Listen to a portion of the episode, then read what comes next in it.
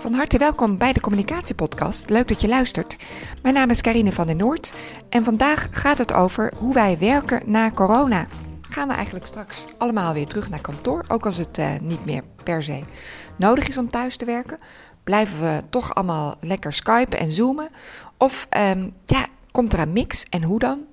Nou, daar ga ik het over hebben met Kilian Wawu. Hij is hoogleraar en onderzoeker aan de VU en hij heeft hier onderzoek naar gedaan. Het onderzoek is nog niet uit, maar wij krijgen al wel vast een preview met de allereerste inzicht. Ontzettend tof dat je luistert. Ik ben heel benieuwd wat je ervan vindt. We gaan gauw naar het interview.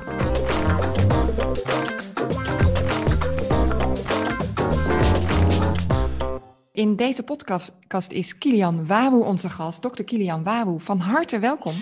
Heel veel dank dat je mee wilt doen met onze podcast. Dankjewel. We gaan het hebben over samenwerken na corona. Daar heb je onderzoek naar gedaan. Maar voordat we de inhoud ingaan, uh, wil ik je toch kort introduceren. Zeker bij de mensen die jou nog niet kennen. Uh, je bent van oorsprong psycholoog, uh, maar je hebt jaren gewerkt in de bankwereld. En op een gegeven moment ben je eruit gestapt en heb je de overstap gemaakt naar de onderzoekswereld. Je bent onderzoeker en docent geworden aan de VU in Amsterdam. Je schrijft veel, spreekt veel. En de rode draad is wel uh, hoe mensen met elkaar samenwerken hè, in organisaties. Hoe, hoe we met elkaar samenwerken. Klopt dat? Ja, dat klopt. Um, en wat het onderzoek betreft, ik um, werkte bij ABN AMRO en deed onderzoek naar... Uh, ik was een proefschrift aan het schrijven over beoordelen en belonen. Um, en het onderwerp belonen binnen banken was toen ik aan dit onderzoek begon heel erg neutraal. Dat uh, was niet echt een heel gevoelig onderwerp. Toen kwam de financiële crisis en toen bleek eigenlijk bij toeval dat ik een onderzoek of dat ik een, een, een proefschrift aan het schrijven was over iets over een van de oorzaken van de crisis, waar, waar we toen middenin zaten. En het is natuurlijk best merkwaardig en schizofreen als je een boek zit te schrijven om uit te leggen dat wat je zelf doet niet deugt. Uh, en dan heb je ook niet zoveel keus dan uh, dat boek af te maken en ja, je hart te volgen of te blijven en mee te doen aan het systeem. Ik heb voor het eerst gekozen, ben weggegaan, uh, promotie afgemaakt en inderdaad sindsdien werk ik aan de VU. Ongeveer de helft van mijn tijd en de andere helft help ik organisaties op het gebied van uh, met name beoordelen en belonen. Ja, en je zegt je hart volgen. Jij voelde dat je daarmee door moest? Of hoe, hoe moet ja, kijk, als je een onderzoek doet, kijk, een, een onderzoek is natuurlijk een, een reis, hè, dat je, een ontdekkingsreis. Je gaat proberen om iets te ontwaren van hoe, hoe zit nou, hoe werkt nou iets? Hoe werken in mijn geval, hoe werken bonussen? Hoe, werken, hoe, hoe stuur je mensen aan? Wat is de invloed van geld op gedrag? En als je erachter komt dat uh, een van de redenen waarom ABN AMRO failliet was gegaan, is de manier waarop we werden aangestuurd met targets en bonussen. Op het Ja. moment dat je daar eigenlijk het, het, het perfecte data voor hebt om, om eigenlijk aan te tonen dat wat een van de oorzaken is geweest waarom we failliet zijn gegaan. Ja, dan is het natuurlijk een beetje raar als je dan zegt van uh, ik schrijf dat op en ik wil nog wel even een bonus zelf cashen en dan gaan Ja. we daarna weer door. Ik bedoel, dat is, ja, ik, laten we het ook niet nobeler maken dan het is, maar dan, dan moet je gewoon Nee, weg. dan, dan ben je weg. Ja, ja. Ja. En ehm, ehm, eh, waar hou je nu vooral mee bezig? Aan de uh, VU met uh, lesgeven onderzoek op het gebied van beoordelen en belonen. Dus ik heb een, een, vak ontwikkeld, eh, dus over beoordelen en belonen. Ik geef les aan, aan tweedejaars, eh, introductie voor organisatiepsychologie en HRM. Um, en in organisaties hou ik me vooral bezig met um, organisaties die mijn boek hebben gelezen over beoordelen en belonen. En die zeggen, we hebben nu een klassiek beoordeling en beloningsmodel. En daar bedoel ik mee, aan het begin van het jaar spreek je af wat een medewerker moet doen. Tussentijds ga je kijken of diegene dat doet. En aan het einde van het jaar ga je afrekenen. Nou, dat model, dat is eigenlijk het klassieke beoordelingsmodel. Daar, daar willen organisaties uh, vanaf, althans mijn klanten. En die bellen mij dan op en die zeggen, kun je me daarbij helpen? Ja, ja, ja. En steeds hoor ik die woorden terugkomen, beoordelen en belonen. Dat is ook de kern van jouw nieuwe onderzoek, als het gaat ja. over beoordelen en belonen uh, na corona. Ja. Um, uh, luister veel communicatie-experts, denk ik. Die zitten wat minder misschien in die HRM-termen. Ja. Um, zou je misschien heel kort die twee begrippen willen definiëren? Dat we scherp hebben wat jij daarmee bedoelt. En dan kunnen we daarna ja. de inhoud in naar... Oké, okay, en nu coronatijd. Wat betekent dat voor ons? Ja, Kijk, met beoordelen bedoel ik is dat, dat uh, een organisatie heeft een, heeft een bepaalde strategie, die wil ergens naartoe. En vervolgens gaat hij dat um, uh, definiëren in termen van gedrag. Dus wat, wat betekent dat voor onze mensen? En wil je groeien? Wil je, wil je, je klanttevredenheid omhoog? Wil je meer winst maken? Je, je hebt een bepaald idee. Hoeveel uh, kosten die je gaat maken, of wel, nou, enzovoort. Je hebt een strategische uh, richting en die ga je vertalen naar menselijk gedrag. Dus dat betekent dat alle mensen in een bedrijf, laten we zeggen een bedrijf met 100 mensen, die 100 mensen moeten iets gaan doen. En ja. dat moet je ze dan uh, op een of andere manier gaan vertellen. Nou, met beoordelen bedoel ik dat je het, het gesprek hebt met mensen of ze datgene doen wat ze moeten doen. Ja. Dus de medewerker ja. heeft een heeft een, bepaald doel meegekregen. En uh, die krijgt van tevoren te horen wat hij moet doen. En het gesprek daarover is het beoordelingsgesprek. Nou ja, met belonen bedoel ik de financiële tegenprestatie voor werk. Dus wat iemand uh, verdient. En dat is dan vast salaris. Uh, en eventueel ook variabel salaris. Variabel inkomen. Ja, dus dat is met, wat ik bedoel met beoordelen en belonen. Als ik zeg klassiek, dan hebben veel mensen een variant op. Aan het begin van het jaar vertellen wat je moet doen. En aan het einde van het jaar afrekenen. Ja, inderdaad. Ja, ja, ja, ja, en je geeft aan um, uh, dat klassieke model dat, dat raakt uh, uit, uit de mode of dat werkt niet meer. En daar moeten we nieuwe vormen voor bedenken. Ja, exact. Um, is, dit systeem is eigenlijk ontstaan in ongeveer 100 jaar geleden toen um, mensen bij fabrieksarbeiders erachter kwamen dat ze op het moment dat ze uh, een beloning in het vooruitzicht stelden, dat ze uh, beter gingen werken. Ze gingen harder werken en harder was ook eigenlijk altijd meer productie. Dus als je individueel werk doet, wat vooral gericht is op productie, dan blijkt eigenlijk uh, dat belonen een prima middel te zijn om, uh, uh, om te komen tot betere prestatie. Dus het hele systeem heeft heel goed gewerkt en werkt eigenlijk nog steeds in een organisatie waarin mensen individueel werk moeten doen, wat gericht is op productie. Dus bijvoorbeeld de aspergestekers of de uh, uh, mensen die telecom uh, doen, of weet het, een, een, een callcenter werken, et cetera. Maar tegenwoordig werken we veel meer als collectief. We werken veel meer werk wat kwalitatief is. Je moet kwalitatief hoogstaand werk afleveren, wat in een wereld die nogal snel verandert. Nou, dan is een afspraak maken over hoeveel je gaat opleveren in januari, is, is dus vragen om moeilijkheden. Dus je vraagt heel simpel gedrag van mensen. Um, ja, en dan gaan ze ook heel simpel zich gedragen. Uh, en dat levert problemen op. Om in het voorbeeld van de bank aan te houden. Als jij uh, in januari gaat vertellen, verkoop 100 hypotheken. Ja, en mensen gaan dat ook nog echt proberen. Dat in een wereld die in elkaar stort. En sinds corona weten we dat de wereld nogal snel kan veranderen ja, 100 hypotheken was realistisch in januari, maar is in februari totaal achterhaald. Ja, wat doe je dan? Ja, dan, dan moet je dus doorlopend met elkaar in gesprek blijven. Dat is wat management zou moeten zijn. Maar dat gebeurt dan niet. Dus dan zeggen ja, dat was, de, dat was de afspraak, daar moet je je ook aan houden. Uh, en met name juristen zijn daar dol op. Die zeggen, ja, in januari, ja, afspraak is afspraak. Nou, en dan, dan krijg je natuurlijk hele rare situaties. Dat mensen verkeerd gedrag gaan vertonen. Nou, en dat is eigenlijk...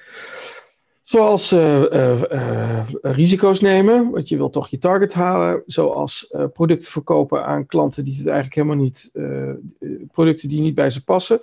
Um, of fraude plegen. En dat is natuurlijk in de, in de bankaire sector. Zijn er heel veel dingen gebeurd, zodat mensen hun target maar gingen halen. Nou, en, en dat is meteen de antwoord op de vraag: waar, waar ging het mis? Onder andere bij ABN Amro was veel te hoge targets. Dus veel te ambitieuze ideeën hoe het allemaal zou moeten. En dat door de strot duwen van medewerkers en zeggen: als je dit nou gaat bereiken, krijg je een hoop geld. Ja, die gingen rare dingen doen. Die gingen risico nemen, die gingen rotzooi verkopen, die gingen nou ja, met cijfers sjoemelen. Kortom, als je mensen verkeerd aanstuurt, gaan ze verkeerd gedrag vertonen. En dat is wat uh, massaal is gebeurd. En dan hebben we het echt over het probleem voor corona. Dus dat, dit was eigenlijk al het probleem. Uh, en ik, ik, was toen bezig met de vraag: uh, ja, hoe, kun je dit nou, hoe kun je dit nou veranderen? Dat is eigenlijk het antwoord op de vraag: wat was er voor corona nou eigenlijk al mis met uh, beoordelen en belonen? Ja, en vervolgens ben jij uh, weer in het thema gedoken um, na corona. Eigenlijk van ja. wat, wat, heeft, wat is het effect van deze situatie in coronatijd op, op deze methodiek, op dit gedrag, op hoe we. Ja, ja hè? Ja, en, um, ik was. Ja, ik onderbreek je. Nou ja, eigenlijk wilde ik alleen zeggen, uh, uh, ik ben heel benieuwd, want je doet er onderzoek naar. Uh, ja. Dat is bijna af. Dat ja. komt, komt, wordt nog gepubliceerd en wij mogen ja. al van jou de eerste inzichten horen. Een sneak preview, dus, ja. Ja, ik ben heel benieuwd. Ja, nou, wat ik gedaan heb is, ik, ik, was voor corona bezig om het, ik had een boek geschreven over beoordelen, eentje beoordelen, eentje over belonen. Ik dacht, ja, dat moet nu een geïntegreerd verhaal worden en dat was bijna klaar voor corona. En toen dacht ik, er moet nog even een hoofdstuk bij over corona. Um, was in, uh, in maart tijdens de lockdown. En toen dacht ik, ja, ik moet, ik het wel goed doen. laten we eens kijken wat dit nou betekent. Dus wat ik ben gaan doen, is met een groep studenten gewoon gekeken naar wat weten we nu eigenlijk over thuiswerken. Uh, en, corona houdt natuurlijk in verplicht thuiswerken. Daar kunnen we iets uit leren, maar op een gegeven moment is dat verplichte thuiswerken is voorbij. En het zou natuurlijk raar zijn als we na corona um, weer allemaal vijf dagen in de week naar kantoor gaan. Want dat is niet een realistisch scenario, want het levert ook wel een hoop tijdwinst op en een hoop uh, uh, autonomie en het levert een hoop uh, ja, werkvreugde op. Dus dat zouden we moeten veranderen. Aan de andere kant merken we ook wel, um, wij zitten nu tegenover elkaar tijdens Zoom. Dat is absoluut second best, maar tegenover elkaar zitten is toch wel prettig. Dus nou ja, helemaal overgaan op online, dat is, gaat hem waarschijnlijk niet worden. En helemaal overgaan op weer terug naar het oude normaal is ook raar. Dus ja, zitten we daar dan een beetje tussenin? Wat moeten we nou doen? Nou, waar ik achter kwam is dat um, um, er zijn eigenlijk drie basisbehoeften van mensen. Daar kwam ik in mijn vorige onderzoek ook al achter. Dat zijn um, uh, verbondenheid met andere mensen. Dus mensen hebben, zijn kuddedieren en hebben behoefte om verbonden te zijn met anderen. Dat is één. Twee is, we hebben een hele diepe behoefte om autonoom te zijn. Dus om zelf invloed te hebben op ons, uh, op ons gedrag. En ten derde hebben we een behoefte aan groei. En, met, en, het lijkt dat die laatste met name de belangrijkste is, dat medewerkers zijn op zoek naar groei. Nou, die drie dingen, dat zijn eigenlijk de basisbehoeften van, van mensen, die zijn zo, basis, zo basis dat we op het moment dat we uh, iemand willen straffen, bijvoorbeeld door hem in de gevangenis te gooien, uh, dan zijn dit de drie dingen die we van je afnemen. Ja, dus als je in de gevangenis zit, mag je niet meer. Je zit in een verarmde omgeving, je kunt niet meer groeien.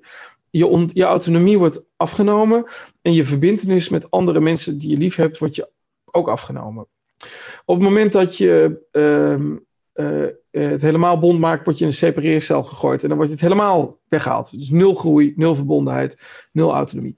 Nou, um, in de lockdown zie je dat als mensen verplicht thuiswerken, dat voor één groep deze drie dingen uh, uh, worden verhoogd. Dus dat ze zeggen, ik kan me juist meer ontwikkelen, want ik heb tijd.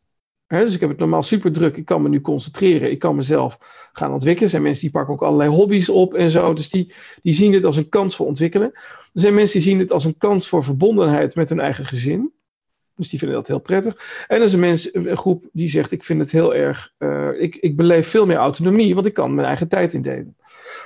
Interessant genoeg is er ook een groep die precies het tegenovergestelde zegt. Die zegt: Ik kan helemaal niet meer groeien, want ik mis andere mensen ik um, uh, moet verplicht thuis zitten. Dat is een aantasting van mijn autonomie. En ik ben niet meer verbonden met anderen, want ik, uh, ik zit thuis en ik, uh, daar er is niemand. Of er zit niemand bij mij thuis waar ik me graag enorm mee verbind. die mensen heb je natuurlijk ook. Als je een slecht huwelijk hebt, dan is het een ramp. Nou, um, um, en wat blijkt nou is dat die groep voor wie dit dus een kans is en een enorme bedreiging, dat die nogal afhankelijk is van een aantal persoonskenmerken. Uh, en om een heel lang verhaal kort te maken, is dat eigenlijk vooral jongeren er heel veel last van hebben. Uh, dus mensen die jong zijn uh, en of jong zijn in een organisatie, als in nieuw. die dus nog geen netwerk hebben, nog niet zoveel kennis hebben, thuis misschien geen relatie hebben. Of behuisd zijn op een manier dat je er niet graag thuis zit. En er is een groep die, die juist alle voordelen heeft en die heeft over het algemeen wat meer ervaring. Nou, wat is het gevaar? En ik hoop dat de luisteraar aan deze podcast dat ook meeneemt, is dat veel mensen die beslissingen nemen, juist aan de kant zitten van uh, de kansen. Die zijn, uh, laten we zeggen, de gemiddelde beslisser in Nederland is, nou, laten we zeggen, 45 plus, heeft een koophuis, heeft een netwerk en heeft kennis en heeft geen financiële stress. En die denkt van, nou, dit is een mooie kans. En laten we dan uh, allemaal gewoon wat minder naar kantoor komen. En dan uh, besparen we nog geld ook. En uh, wat meer rust en goed voor het milieu, klaar. Nou, dus en mijn stelling, centrale stelling, is dat dat een fout is. En dat we ons niet moeten afvragen hoe vaak we nog naar kantoor moeten komen. Maar eerder van wat moet daar nou gebeuren op dat kantoor, dat de moeite waard is. Dus welke ervaring moeten we mensen bieden? Welke leerervaring moeten we mensen bieden, zodat degene die de kennis heeft, hem kan overdragen op degene die hem nodig heeft. Kortom, werk, uh, en, en, nu kom ik langzaam uh, uh, tot, tot wat meer praktisch, van we zouden ons dus de vraag moeten stellen, wij allemaal, wat er op kantoor moet gebeuren. Ja. En dat daar dus activiteiten moeten zijn van verbinding Ehm, en en we hebben het hier vandaag over communicatie. Dat, dat de kern van ons menselijk bestaan is dat, dat we samenleven. We leven in een kudde en die kudde moet samenkomen. Maar die kudde moet niet samenkomen door allemaal een, achter een eigen laptop te zitten die je thuis ook had. Om vervolgens een, een, een call te gaan houden met iemand die thuis zit en we weer aan elkaar zitten te erg op kantoor. Uh, dus wat moet daar gaan gebeuren? Ook in termen van communicatie, wat moet daar gaan gebeuren? Dat is natuurlijk een cruciale vraag die het de moeite waard maakt om samen te komen. Nou, en dat is dus niet uh, in een kantoortuin gaan zitten en je gaan ergeren aan je buurman. Dan kun je net zo goed thuis blijven. Hey, en ik ben inderdaad dan toch geneigd om naar die kans te gaan, want dan heb je dus eigenlijk nu de kans om te kijken, die de manier waarop we voor corona werkten in kantoortuinen. Ieder toch wel heel erg bezig met zijn eigen project en zijn eigen targets. Ja. Ehm, dat kunnen we nu anders gaan inrichten. En jij geeft ja. daarbij aan, het is wel heel belangrijk dat, die, dat je die jongeren in de, in de gaten hebt. Ja. Uh, want die hebben die, uh, die extra, misschien nog wel meer verbinding nodig. Ook met mensen met meer ervaring. Ja, dat, uh, wat ik nu merkte, en dat merkte ik al voor corona, is dat mensen werk uh, uh, een, een, leuke ervaring willen maken. we hebben het ook over employee experience tegenwoordig, net zoals we het over customer experience hebben. want het moet, het moet een toffe ervaring zijn. En wel leuk, mijn, mijn eerste baas, die was communicatieman. En die heeft me ooit uitgelegd dat, die werkte bij een bank en die zeiden... Um, we zijn nu aan het proberen de bank leuk te maken, maar banken zijn niet leuk. We, we, voor een, uh, leuk in de zin van fun. Je gaat niet naar een. Mensen zeggen: ik ga naar het café en ik moet naar de bank. Ja. Uh, uh, dus je, als je een bank binnenkomt, dan de ervaring die je je, je klant daar geeft, die, is, eh, die moet praktisch zijn. Ja. Helemaal niet leuk. Niet dat je, dat je lachend, gierig, brullend uit je bank komt. Want je wil daar eigenlijk helemaal niet zijn, maar je wil daar iets, iets voor elkaar krijgen. Nou, het kantoor ehm, eh, ik wil niet zeggen dat het niet leuk hoeft te zijn, maar ik merk nu dat heel veel mensen bezig zijn met een kantoor-experience. Dus ik, ik hoor nu van flipperkasten en glijbanen, letterlijk uh, glijbanen, uh, een wipwap, een, een, schommel, een pingpongtafel. Want het moet leuk zijn, maar mensen komen niet naar kantoor omdat het leuk is, maar ze komen er eigenlijk ook voor groei.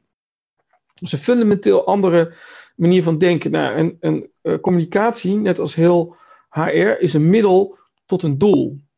En wat ik altijd probeer in mijn onderzoek is te vragen, wat was nou eigenlijk het doel? En het, het, het doel van, nou in dit geval een bank, is niet dat die leuk is. Uh, en het, doel van werk is ook niet dat het fun is. Dat we lachen, gieren, brullen thuiskomen. Maar mensen willen professioneel groeien. Als we dat nou als basis nemen van uh, ons personeelsbeleid, is dat we, we willen groeien. Dan kunnen we daarna gaan kijken hoe we het invullen.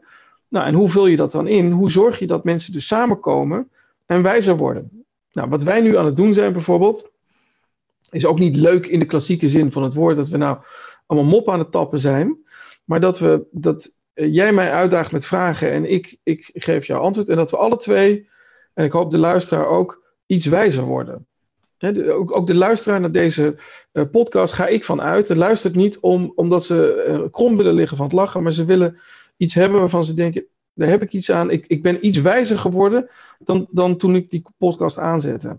Nou, als, als dat de kern is van je personeelsbeleid, dan ga je er met hele andere ogen naar kijken. En als we dadelijk wat praktische handvaten gaan, uh, gaan invullen, kunnen we dat doen alleen als we weten wat het doel was. Nou, ik, mijn stelling is dat het, doel voor corona was al groei.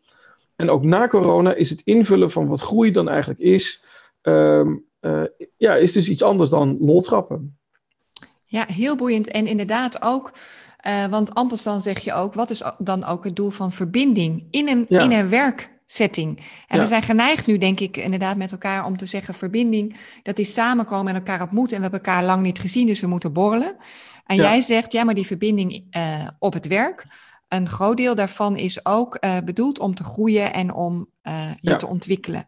Dus als je verbindende vormen zoekt, hou dat doel voor ogen. Ja, ik zou zeggen en en. Ehm, eh, oh. ik, ik, benadruk de, uh, de, de groeikant, omdat die vaak wordt ondergesneeuwd. En, um, um, en de scheidslijn is ook niet helemaal duidelijk. Want wat heel veel mensen missen, merkte ik in uh, mijn onderzoek, is het koffiezetapparaat. Is de toevallige ontmoeting. En grote bedrijven als Facebook bijvoorbeeld, die hebben hun kantoor al voor corona ingericht op de toevallige ontmoeting. Dat je elkaar moet ontmoeten. Um, want um, in, in, een spontane ontmoeting zit heel veel kracht. Dus maar ja, ik merk dat, dat dat vaak nog wel redelijk wordt, dat iedereen dat wel redelijk begrijpt. Van we moeten meer teamuitings, uitings is Engels, teambuilding hebben en leuke dingen doen. Dat wordt meestal wel gedaan. Maar dat voor een deel, en dat hebben veel mensen ook niet door, dat een teamuitje is voor sommige mensen echt een straf. Dus samen bowlen, samen, weet ik veel wat, kabietschieten of zo, weet ik veel. of samen skiën is voor sommige mensen een straf. Maar vaak denkt de, de leidinggever, denkt, oh leuk, ik was laatst bij een bedrijf die zei: We hebben hier een, een teambeloning. En hij bedoelde dus het jaarlijkse skiën. En voor sommige mensen is dat verschrikkelijk. Die, die willen met hun eigen, met hun eigen uh, mensen, of met degene die ze wat meer lief hebben, uh, gaan skiën. Of die willen helemaal niet skiën. Maar um, dus dat verbinden is voor een deel inderdaad met elkaar iets doen. En, en even bijpraten en feesten en leuke dingen doen. Maar de kern is eigenlijk, en die geldt echt voor iedereen, je moet daar samenkomen om te groeien. Nou, wat merk ik nu, is dat op de VU bijvoorbeeld, uh, uh, wetenschappers zijn wat introverter. Als je tegen wetenschappers zegt, je hoeft niet meer naar kantoor te komen, dan komen ze niet meer.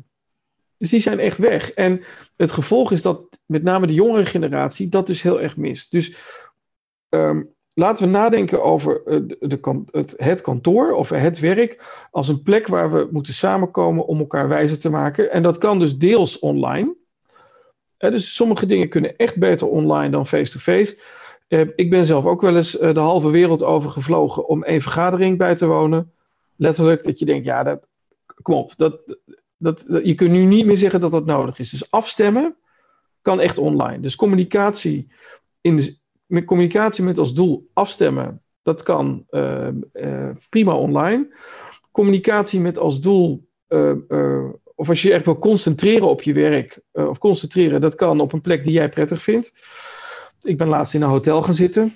Ja, ik hoef toch nergens te zijn. Ik dacht, ja, laat ik, laat ik eens twee dagen in een hotel gaan zitten. Of je gaat naar een plek waar het warm is. Als jij een week in Barbados wil gaan zitten, dan ga je daar zitten. Kan ook. Maar die, die derde, en dat is connectie. Ja, dat moeten we echt face-to-face -face blijven doen.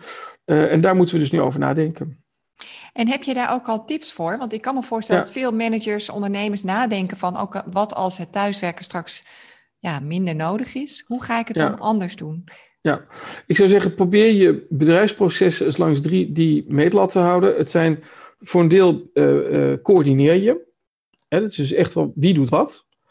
Um, en stel jezelf eens de vraag van alle taken die coördinerend zijn, hoe kan ik die nou het beste, met welk communicatiekanaal kan ik die het beste invullen?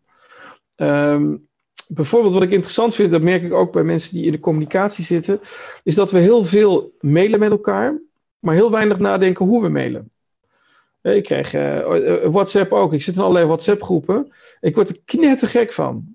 Wat, wat is de afspraak hoe we met elkaar communiceren als het gaat om um, uh, coördinatie, een coördinerende taak? Wat mag je, hoe lang mag een mail zijn? Hoe lang mag een WhatsApp zijn. Uh, wie zet je in de, in de CC en in de reply all, wat niet. Um, dus dat je, dat je daar afspraken over maakt. En, en ook welk, wanneer, wat, hoe gebruik je Zoom en Teams? Hè, welk, welke afspraken heb je daarvoor? Um, nou, dat is uh, één voorbeeld. Dus heel concreet, denk na over taken die coördinerend zijn en welk communicatiekanaal gebruik je daarvoor? Ja, en hoe zet je die in? Hoe, hoe gebruik hoe zet je die in? Ja, en, en neem eens ook eens wat tijd om daar samen over na te denken. Want ik, ik ben misschien, laat ik mezelf als voorbeeld nemen. Ik ben misschien wel twee à drie uur per dag bezig met mail en WhatsApp en weet ik veel wat. Laten we ook eens wat, wat uren besteden aan de vraag: doen we dat nou wel effectief? Laat jezelf eens uitdagen. Dat is, dat is één. Het tweede is: waar kunnen onze mensen zich het beste concentreren? Nou, geef mensen daar de mogelijkheid voor. Een kantoortuin uh, is voor heel veel mensen dus een crime ja, bij afleiding. Uh, maar voor een deel heb je elkaar ook nodig. Dus denk eens over na, hoe kun je het kantoor, uh, dus het hybride werken, ja, je kunt thuis misschien effectief werken. Of wil je mensen ook de mogelijkheid geven om in een hotel te zitten? Ik, sprak laatst iemand die woonde in Zwolle, werkte in Amsterdam. En die gaat nu naar Amsterdam toe om daar in rust te werken. Dat is natuurlijk raar. Je hebt jonge kinderen bijvoorbeeld. Nou, dat kan ook in een hotel in Zwolle. Of in, maar dat brengt, en dat brengt me op de laatste, dat samenkomen, connectie, de derde C. Um, welk proces moet samen zijn, dus collectief. En dat is een lastige, want als jij dus liever alleen werkt in Zwolle in je hotel. En ik ben wat jonger en ik heb jou, uh, ik ben ouder dan jij hoor, maar ik ben die jongere medewerker en ik, ik heb connectie nodig. Daar zit een spanningsveld. En want jij zit de hele tijd in je hotel in, uh, in Zwolle lekker geconcentreerd te werken. En ik zit daar eenzaam en alleen in Amsterdam. Dat is dus niet goed. Dus hoe verbinden we mensen met elkaar en zorgen we dat we echt samenkomen? Ja. En dat, dat is de moeilijkste van de drie. Ja, en daar moet je met elkaar over nadenken, volgens mij. Ja. Ook, ook die man in zijn hotelkamer. Ja, ja. en die, die moeten dus voor zorgen dat die het, het brainstormen, het samenkomen, ik noem het maar de wisdom of the crowd, het feit dat, dat twee mensen meer weten met elkaar dan alleen. Ja, dus dat, en meer dan ze apart alleen hadden geweten, synergie. Hoe kun je dat creëren? En dat, dat, ja, dat is dus samenkomen en, uh, rond een thema en elkaar uitdagen. En dat we dat veel meer zouden moeten doen. Dus een kantoor wordt een plek, de, even voor de communicatiemensen, de kantoor experience wordt dus niet, en ik zie nu allemaal mooie tekeningen van een leuk kantoor met een flipperkast en een glijbaan en zo. Nee, het is een plek waar je elkaar toevallig uh, of bewust ontmoet en elkaar uitdaagt. Ja, ja. Ja, ook tof hè, want um, ik ik en dat is een kans, dat, hè? Dat is een ja, kans. want in het verleden hadden we dat misschien wel helemaal niet. Want waren we daar om te werken. Dus die hele elkaar uitdagen, dat was ja, misschien toch bij die koffie of in een vergadering die net wat langer kon duren. Maar verder was er misschien ook wel niet in voorzien. Klopt. En wat is nou bijzonder aan corona? Is dat het kantoor is sinds internet het monopolie kwijt op informatie. Ja, dus uh, ik, heb, ik heb nu niks meer. Ik zit nu thuis. Ik heb niks hier op mijn thuisplek wat ik niet op de VU heb. Niks. Dus alle systemen waar ik in moet, kan ik ook hier. Dus ik heb geen reden om informatie op te halen op de VU, anders dan uh, dat ik die in de hoofden zit van de mensen. Dus het enige waarom ik nog naar de VU ga, zijn, is andere mensen. En sinds corona hoeft het ook niet meer. Er zijn mensen die ik al drie kwart jaar niet meer heb gezien. En dan is dus de conclusie van dat samenkomen is dus niet meer om informatie op te halen uit een, een, een multomap, zoals vroeger. Of een Rolodex, weet je nog? Die, die dingen, eh, weet je misschien niet meer, maar de, uh, zo, zo, de, ja, ja, ja. kaartenbak. De kaartenbakken van vroeger, die zijn er allemaal niet meer. Die zijn online. Ik hoef ook niet meer een persoon te ontmoeten, want ja, wij kunnen elkaar toch ook ontmoeten online. Um, um, maar we moeten elkaar gaan ontmoeten om, om echt samen te komen rond een thema. En daar moeten we over nadenken. Dat is een kans. Uh, want we hebben nu gemerkt dat dat coördineren prima online kan.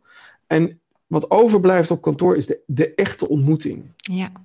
Ja, en het is inderdaad een kans. En het is ook wel een bedreiging voor mensen die ja, misschien niet zo doorhebben hoe belangrijk dat is. Hè? Dat je echt uh, die nodig hebt voor de En als je het nou vergeet, wat gebeurt er dan met je organisatie? Als je nou zegt, nou we gaan uh, alleen de grote overleggen, want dat is lastig uh, via Zoom, dan komen we bij elkaar. En de rest is online en we doen een teamuitje. Dan mis je dus eigenlijk die connectie voor groei leuke woordspeling. Dus teams voor het overleg en een team uitje om dan bij elkaar te komen. Inderdaad, wat je, wat je mist is de fundamentele uh, vraag, die denk ik voor communicatie hetzelfde is als voor HR. Wat wil je nou eigenlijk bereiken? Wat is nou eigenlijk je doel? En het doel van coördineren is uh, uh, snel afspreken wie wat doet. Dat kan inderdaad online. Dan moet je wel bepaalde regels in acht nemen. Dus als je baas alleen maar aan het woord is, dan werkt het niet. Maar goed, dat, dat kan online. En je kunt dus van overal in de wereld kunnen we dus nu coördineren via Teams en Zoom en zo. Prachtig. Grote, grote kans tot verbetering, goed voor het milieu. Maar als je nou zegt, en dat hoor ik nu heel veel organisaties zeggen, hoeveel dagen in de week moeten we nog naar kantoor na corona? En ik denk dat die vraag fout is. Je moet vragen, wat gaan we op kantoor bereiken? Want als je met z'n vijven werkt en iedereen werkt één dag thuis, dan ben je dus nooit meer, als je tenminste niet, niet afspreekt, nooit meer als groep samen. Nee. Uh, en dan kun je afvragen, ja, maar als je een team bent, wat is dan nog je meerwaarde van het team? En wat is je binding nog met een team als je alleen maar thuis zit? Uh, en veel mensen die nu luisteren, die al wat ouder zijn, die hebben die binding al. Want die hebben ze offline al opgebouwd. Maar als je. Ik, ik zal een voorbeeld geven. Een student van mij liep stage bij Heineken. En ik vroeg, uh, vertel eens, wat voor een bedrijf is het? Ze zei, nou geen idee. Ik was, het was mijn eigen koelkast mijn eigen koffiezetapparaat en mijn eigen buurman die zat te klussen en daar ik last van had. Dat was Heineken, mijn Heineken experience was mijn uh, keuken. En ze is ook nog klein behuisd en student. En, uh, dus dat was mijn huisgenoten. Kortom, en, en nu, en, en dat hoop ik de, de luisteraar mee te geven. Um, als je beslisser bent, dan is het heel moeilijk om je in te leven in die groep. Want voor jou is jouw bedrijf, dat heb je al, je hebt al een netwerk, dus je, je kunt nog terugvallen op, op pre-corona uh, kennis die die groep niet heeft. Ja. Dus maak nou niet de fout door te denken, we zijn een groepje mensen wat ook prima online kan werken. Dat is gewoon niet waar. Mensen hebben elkaar nodig en moeten samenkomen. Ja, heel mooi. We praten vrij lang over dat nieuwe uh, vormen van werken. Ja, spontaan. Ja. ja, mooi. Super interessant. Tegelijkertijd heb jij je onderzoek echt gedaan naar uh, belonen en beoordelen na corona. Ja. Um, kan je daar nog kort één inzicht van delen waarvan je zegt, ja. dat is echt nu anders of nou, nieuw? Eén uh, heel concreet is wat nieuw is. Uh, er waren ook wel veel dingen mis met belonen en belonen voor corona. Um, um, namelijk de maatschappelijke kant van belonen. En voor grote bedrijven gold dat. Dus in de, uh, de banksector, maar ook in de zorg en ook in, bij de overheid. Um, had je iets uit te leggen als je grote bonussen uitbetaalde. He, dat is, het woord bonus is enorm besmet. En als iemand een hoge bonus kreeg, dat, het, het, tot net voor corona was ook bij ING was er weer zo'n geval. Dat komt, uh, wordt breed uitgemeten in de krant. Wat nu nieuw is, is dat kleine bedrijven ook steun hebben gekregen van de overheid. Uh, dus door de TOZO-regeling, of uh, weet ik hoe ze allemaal heten, krijg je allemaal subsidie of echt een gift van de overheid om te overleven. Maar wat kleine bedrijven dan zullen moeten gaan doen, is vroeger of later uitleggen wat ze met dat geld gedaan hebben. dus waar een bank een hele communicatieafdeling heeft om ehm, journalisten te woord te staan als ze willen weten waarom krijgt jullie topman 2 eh, miljoen euro bonus terwijl de belastingbetaler net geld in jullie heeft gestoken. Die zijn daar helemaal op voorbereid. Waren ze ook niet toen ik daar werkte, maar zijn ze nu wel. Maar dadelijk moeten alle bedrijven die steun hebben gehad, dit, dit ook gaan uitleggen. En uh, daar, daar, moet je op voorbereid zijn. Dus ik sprak een, een uh, directeur en die had een half miljoen euro steun gekregen. En net een leaseauto besteld van 80.000 euro. Als dat in de krant komt, en tegenwoordig hoef je geen journalist meer te zijn om uh, te communiceren, dat kan ook Twitter zijn. Dus stel je voor, de volgende situatie: een bedrijf krijgt een half miljoen. Het bedrijf gooit uh, de secretaresse eruit, want ja, daar is geen geld meer voor. En datzelfde bedrijf heeft de directeur een, een leaseauto van 80.000 euro. Secretaresse boos, gaat op Twitter, communiceert dat naar buiten. En dan? Dus iedereen moet gaan nadenken over maatschappelijk verantwoord belonen, uh, zelfs als je een klein bedrijf bent. En daar zijn heel veel mensen niet op voorbereid. Nee, realiseren zich misschien dat ook niet. Ja, ik kan me voorstellen dat je daar als directeur ethisch wel over nadenkt, als het goed is. Dat je denkt, ah, heb ik nou net... Maar dat was misschien net daarvoor en dan heb je dat nu. Ja, hij had hem trouwens nou wel interessant. Hij had de auto gekocht. Dus het was een bedrijf wat nog auto's kocht, vraag me niet waarom. En die auto staat nu ergens te rotten in een garage. Want hij durfde hem niet dus als ik hem verkoopt, kost het, kost het nog meer geld. Weet ik hoe dat allemaal kwam. Maar hij, kan hem, als hij hem verkoopt, is hij ook weer geld kwijt. Zijn oude auto opknappen was ook duurder. Maar hij zei, ik krijg het niet uitgelegd. Nee. Nou, hij had het in ieder geval nog door. Ik denk dat veel luisteraars, uh, maar dan met name op beslisniveau, uh, niet doorhebben dat uh, je klanten, je, ehm, eh, de maatschappij, je medewerkers hebben ook een idee over jouw beloningsbeleid. En dat, dat moet je dus gaan communiceren. En ik ben denk ik, ik ben tot de conclusie gekomen dat je eigenlijk geen keuze hebt dan, dan radicale transparantie. Dat je gewoon echt uitlegt waarom je iets doet. Dat je gewoon een jaarverslag zet. Uh, niet per persoon wat mensen verdienen, maar wel, we hebben zoveel gekregen van de overheid. Uh, en dit is ons beloningsbeleid. Ja. Uh, omdat klanten daar een mening over hebben. Ja. En, en de belastingbetaler heeft daar een mening over. en, en, en dat is iets waar we, we aan de vooravond staan van. We hebben met z'n allen voor 90 miljard dadelijk gespendeerd aan corona. We zijn nu heel blij met elkaar. Van, we hebben het, of op een gegeven moment zegt iedereen: het is ons gelukt. En dan moeten we gaan betalen. We zijn uh, met z'n allen voor 90 miljard uit eten geweest. Uh, en, en dan komt het bonnetje. En dan moet iemand gaan betalen. En uh, dan krijgen we een periode van schaarste en bezuiniging. Dat kan niet, kun je, wil, laten we er gewoon niet voor weglopen. Er, komt, er komen dus nog jaren aan. Zijn we misschien wel tien jaar mee bezig, misschien wel twintig jaar mee bezig om dat terug te betalen. Dat betekent bezuinigingen, dat betekent je moet je beloningsbeleid kunnen uitleggen.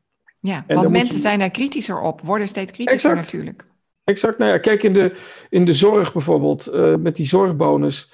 Um, uh, ik heb nu al ondernemers gehoord die zeiden van ja, wacht eens even. Ik heb een onderneming, Ik heb miljoenen aan belasting betaald uit mijn eigen zak.